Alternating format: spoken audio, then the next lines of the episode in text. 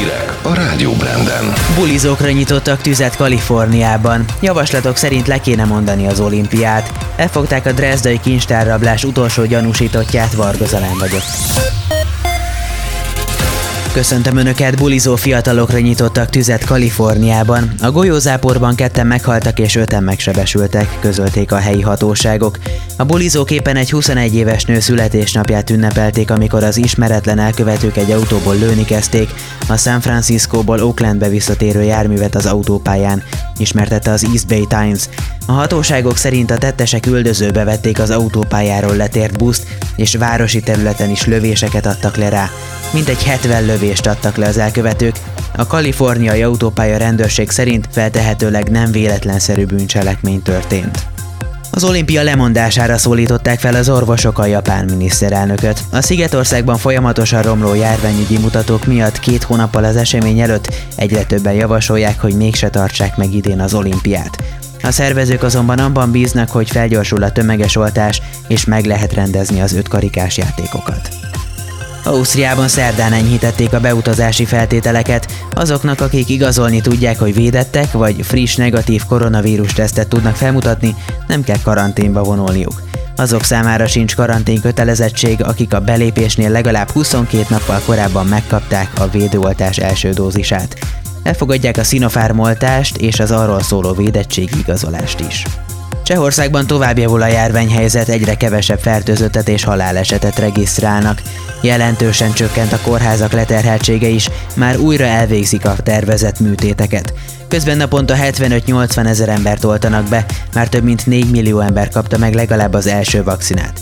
Rövidesen nyithatnak a szállodák, a színházak és a mozik is. Hosszú bujkálás után fogták el a Dresdai kincstárrablás utolsó gyanúsítottját. A Euronews korábban azt írta, hogy 2019-ben két ember tört be az őrök szemelátára, a Dresdai rezidens Los kincstárba, ahol bezúzták a vitrineket és a műkincsekkel együtt elmenekültek.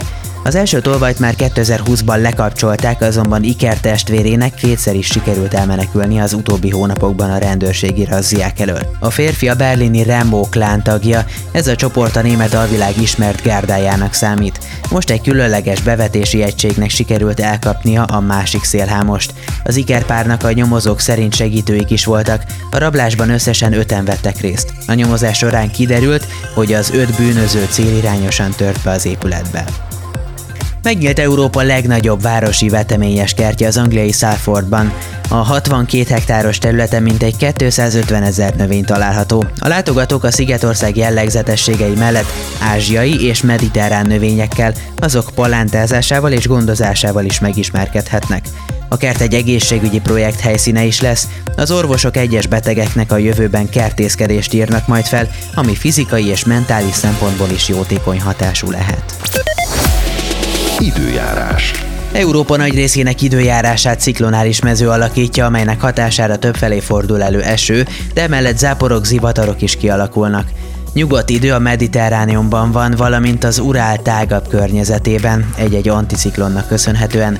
Az utóbbi terület felett elhelyezkedő magas nyomású képződmény peremén igen meleg légtömeg határozza meg Oroszország európai részének időjárását. Arrafelé a hőmérséklet csúcsértéke többfelé meghaladja a 30 fokot.